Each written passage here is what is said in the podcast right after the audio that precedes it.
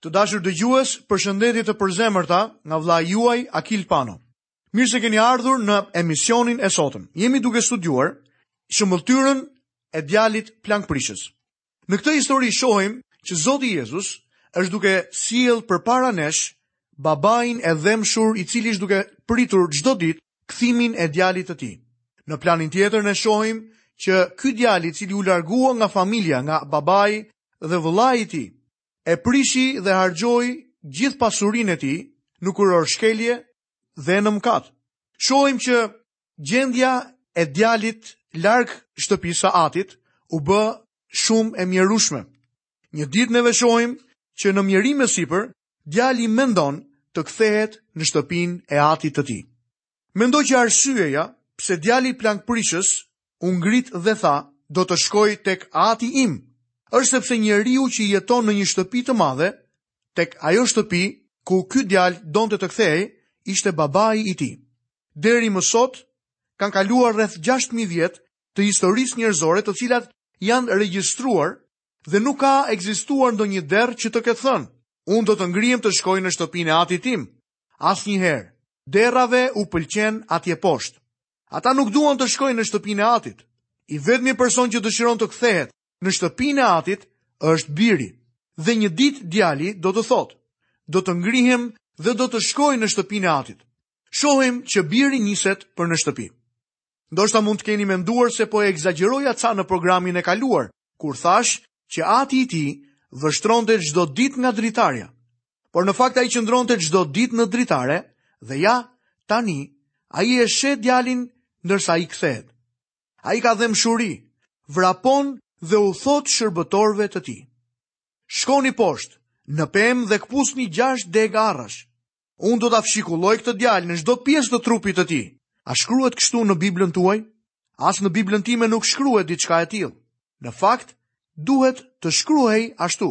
Në ligjin e Moisiut, një baba kishte të drejtën e plotë që ta çonte një djalë të pabindur përpara pleqve dhe pastaj ta qëllonin me gurë deri në vdekje.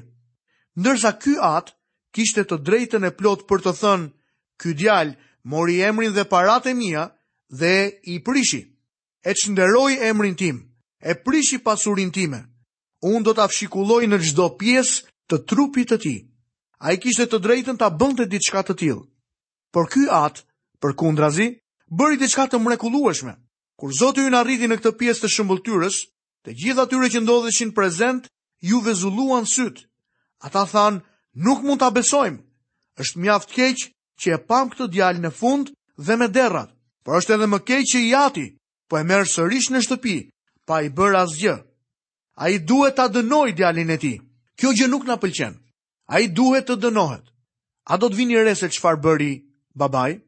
Le ta lexojmë saktësisht tek Ungjilli sipas Lukës kapitulli 15 në vargun e 20.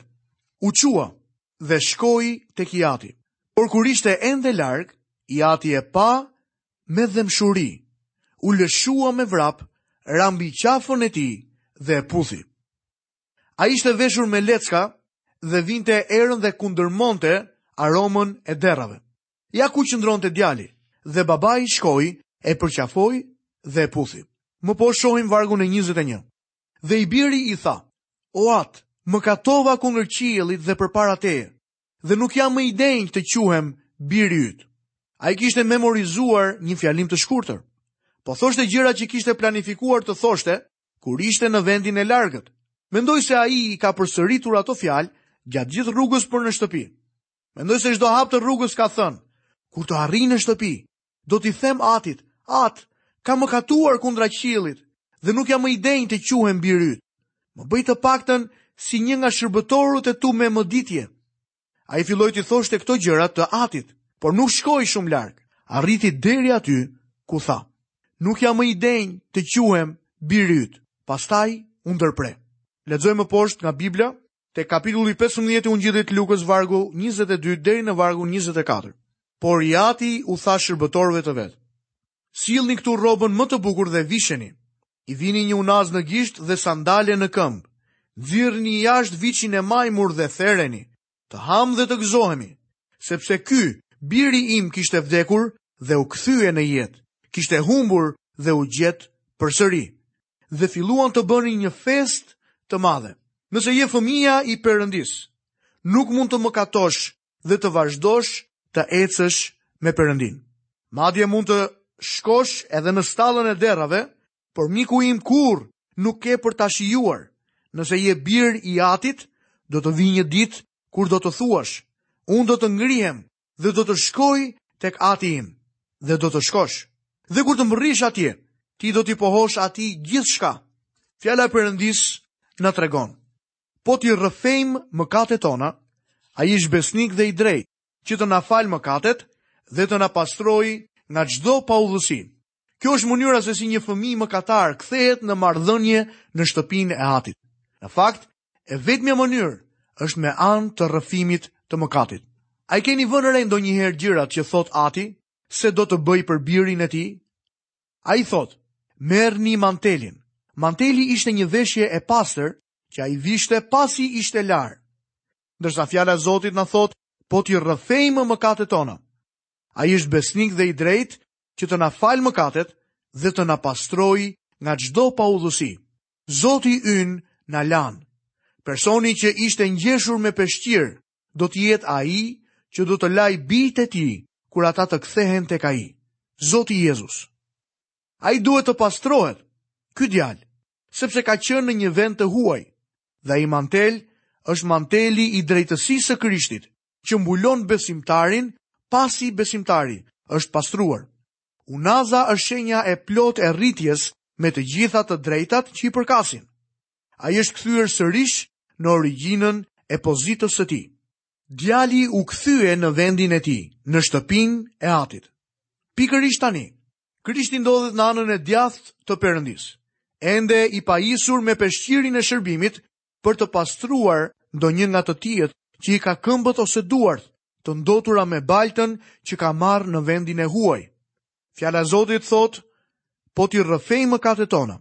Ai është besnik dhe i drejtë që të na falë mëkatet dhe të na pastrojë nga çdo paudhësi. Ne duhet të shkojmë tek ati ashtu siç djali plangprishës dhe të themi. Atë, unë kam mëkatuar, dhe nuk jam më i denjë të quhem biri yt. Më lejo të jem një nga shërbëtorët e tu me mëditje. Dhe ati do të thotë, unë nuk kam për të lejuar kurrë, që ti të jesh një shërbëtor me mëditje, ti je biri im, unë të pastroj, do të fal dhe do të sjell sërish në vendin e miqësisë dhe të kësaj marrëdhënieje intime. Biri është gjithmonë një bir. Në këtë shëmbëlltyrë është edhe një bir tjetër, plangprishës. por që shpeshherë në leximin tonë të Biblës nuk e kemi parë si të tillë. Le të lexojmë më poshtë nga vargjet 25 deri në vargun 28. Djali i tij i madh ishte në ara, dhe kur u kthye dhe iu afrua shtëpisë, dëgjoi këngë e valle. Atëherë thirri një shërbëtor dhe e pyeti ç'ishte e gjitha kjo.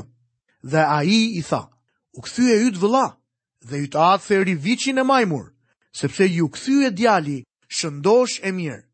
Kur i dëgjoi këto, ai u zemërua dhe nuk deshi të hynte. Atëherë i ati, doli dhe iu lut që të hynte. Dëgjoni se çfarë thotë ky djalë. Shikoni se sa ankues dhe përçmues është ai. Ky është në të vërtetë djali plangprishës, djali i madh. Ai u zemërua kur dëgjoi që i vëllai i tij u kthye dhe për nder të këtij djali i cili ishte larg shtëpisë, në kthimin e tij po organizohej edhe një festë. Ai nuk do të shkonte brenda dhe të bashkohej me të tjerët. Ati i tij erdhi dhe iu lut që të hynte në banketin e shtruar për kthimin e vëllait të vogël. Lexojmë më poshtë vargjet 29 deri në vargun 32. Por ai iu përgjigj të atit dhe tha, ja u bënë kaq vite që unë të shërbej, dhe kurrë s'kam shkelur asnjë nga urdhrat e tu, e megjithatë, kurrë s'më dhe një kec për të bërë një festë me miqtë e mi. Por kur u kthye ky, djali yt, që prishi pasurinë tënde me prostituta, ti there për të viçin e majmur.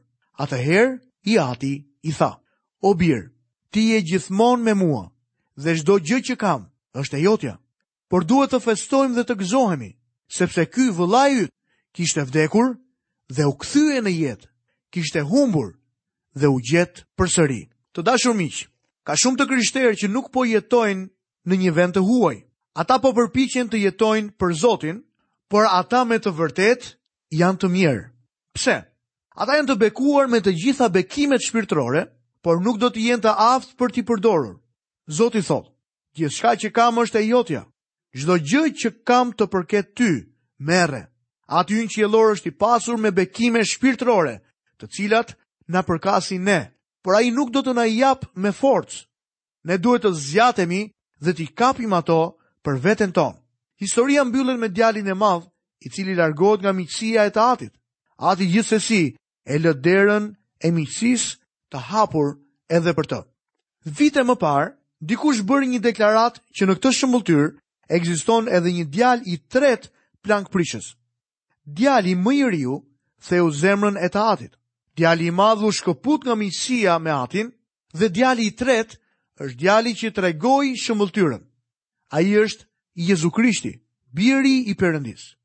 Ai është djali ideal, pa mëkat. Ai erdhi tek një vend i huaj, jo për t'u larguar, por për të bërë vullnetin e atit të tij. Ai nuk e shpenzoi jetën e tij në rebelim, por në vdekjen sakrifikuese për ty dhe për mua.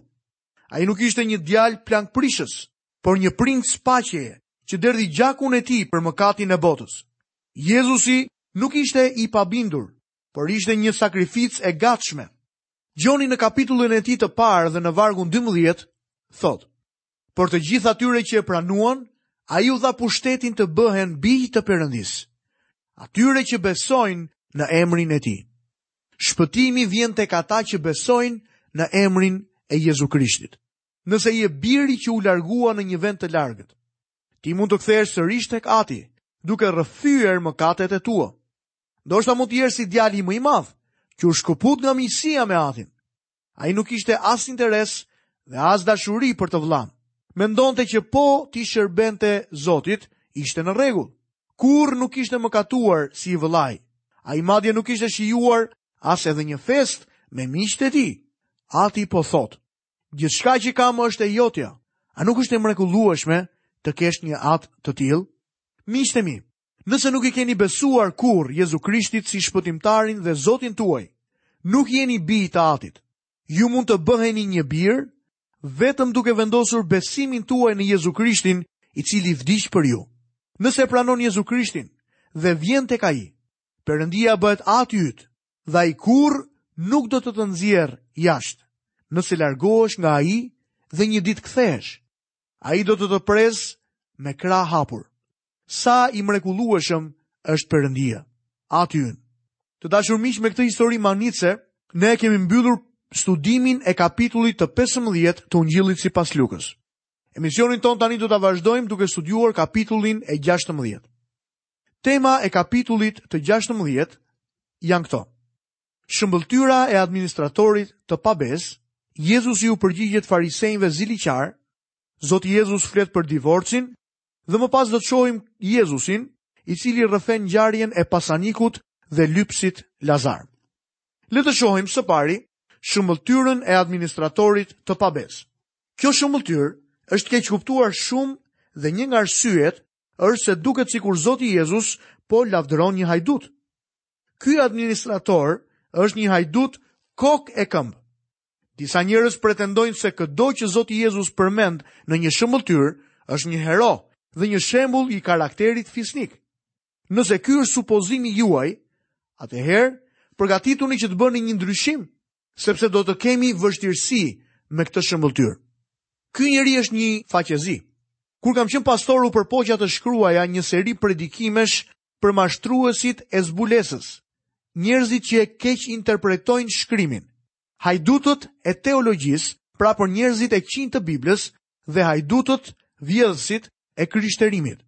Ishte një seri e gjatë sepse kishte shumë mashtrues. Ky administrator është njëri prej tyre.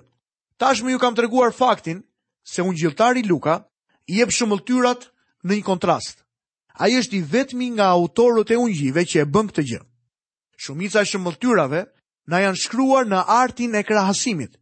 Në këtë shëmbëlltyrë, Zoti Jezus përdor si shembull një njeri që ndoqi principet e botës. Në fjalën e Zotit na thuhet se bota i do të sajet, por urren ata që i përkasin Perëndisë. Nëse bota ju urren, ta dini se më ka urryer mua përpara jush. Po të ishit nga bota, bota do të donte të vetët. Por sepse nuk jeni nga bota, por unë ju kam zgjedhur nga bota, prandaj bota ju urren. Një fëmijë i Perëndisë nuk i përket kësaj bote dhe nuk jeton sipas principeve të kësaj bote. Në letrën drejtuar Galatasve, kapitulli i parë, vargjet 3 dhe 4, apostulli Pal thotë: Nga Zoti ynë Jezu Krishti, që e dha veten e tij për mëkatet tona, për të na shpëtuar nga kjo kohë e mbrapshtë, sipas vullnetit të Perëndisë Atit tonë. Dhe sërish tek Romakët, kapitulli 12 dhe vargu i 2, apostulli Pal na thotë, dhe mos u konformoni me këtë botë, por transformohuni me anë të ripërtëritjes së mendjes tuaj, që të provoni cili është i miri, i pëlqyeri dhe i përsosuri vullnet i Perëndisë. Dhe si përfundim, le të shohim se çfarë apostulli Gjon na thotë në letrën e tij të parë, nga vargjet 15 të kapitullit të 2. Mos e doni botën, as gjërat që janë në botë. Në këtë botë ekziston ai që ne e quajmë ligji i jetës.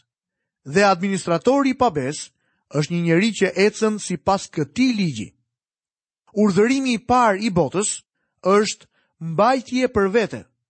Një marrëveshje e errët biznesi është një lojë si kurse të mbyllur sytë përpara diçkaje, të tolerosh praktika të pasigurta dhe një hajdut i zgjuar lavdërohet nga bota. Ligji shpesh herë është në anën e kriminelëve dhe hajdutëve. Çdo njeri sipas ligjit të kësaj bote konsiderohet i pafajshëm për aq kohë sa nuk provohet fajësia e tij. Fjala e Zotit reagon në një mënyrë komplet të kundërt. Zoti thotë që njeriu është fajtor për aq kohë sa ai nuk provohet që është i pafajshëm. Ai thotë sepse të gjithë mëkatuan dhe ranë nga lavdia e Perëndisë. Një njeri nuk mund të jetë kurrë i pafajshëm përpara Perëndisë, por sigurisht që mund të shfajsohet përpara tij. Tani pra nuk ka asnjë dënim për ata që janë në Krishtin Jezus. Kur një person i beson Zotit Jezu Krisht si shpëtimtar dhe Zot, ai është i shfajësuar me anë të besimit. Kjo është e vetmja mënyrë që njeriu mund të shfajësohet. Le të lexojmë në kapitullin e 16 të Ungjillit sipas Lukës, vargun e parë. Tani ai u foli akoma dishepujve të vet. Ishte një njeri i pasur që kishte një administrator. Këtë e paditën se po ia shkapërderdhte pasurinë e tij. Kjo është edhe historia e një njeriu të pasur dhe administratorit të tij të pabesë. Një administrator është një person i cili ka përgjegjësi për pasurinë e një tjetri. Abrahami kishte një administrator. Besoj se e mbani mend se kush ishte përgjegjësi për zotërimet e tij. Administratori i Abrahamit ishte personi që shkoi në Haran për të gjetur një nuse për djalin e Abrahamit, Isakun. Davidi gjithashtu kishte administratorë të cilët përmenden tek libri i parë i kronikave në kapitullin e 28. Administratorët e Davidit kishin përgjegjësi për të gjitha zotërimet e mbretit të tyre. duke përfshirë edhe fëmijët e tij. Ndërsa apostulli Pal na tregon se nga administratorët kërkohet që secili të gjendet besnik. Administratori në këtë shëmbëlltyrë mund t'i korrespondojë presidentit të një korporate. Ai kishte në ngarkim pasuritë e këtij njeriu të pasur. Ai ishte fajtor për krime në zyrë dhe për shpërdorim të fondeve. Ai ishte si presidenti i bankës që ia mbath bashkë me fondet e bankës. Administratori i pabesë e shpërdoroi pasurinë e të zotit të tij. Lexojmë në vargun e dytë. Atëherë ai e thirri dhe i tha: "Ç'është kjo që po dëgjoj për ty? Më jep llogari për ato që ke administruar, sepse ti nuk mund të jesh më administratori im." Dhe ja, për këtë person erdhi dhe dita e vlerësimit. Ai duhet të jepte llogari. Tani meqenëse kishte unazën me vulën personale të zotërisë së tij dhe ishte gjithashtu dhe arkëtari ku mbaheshin paratë, në vend që të hartonte një deklaratë financiare, vendosi të përdorte ligjin e botës që është mbajtja e gjërave për vete. Lexojmë vargun e tretë.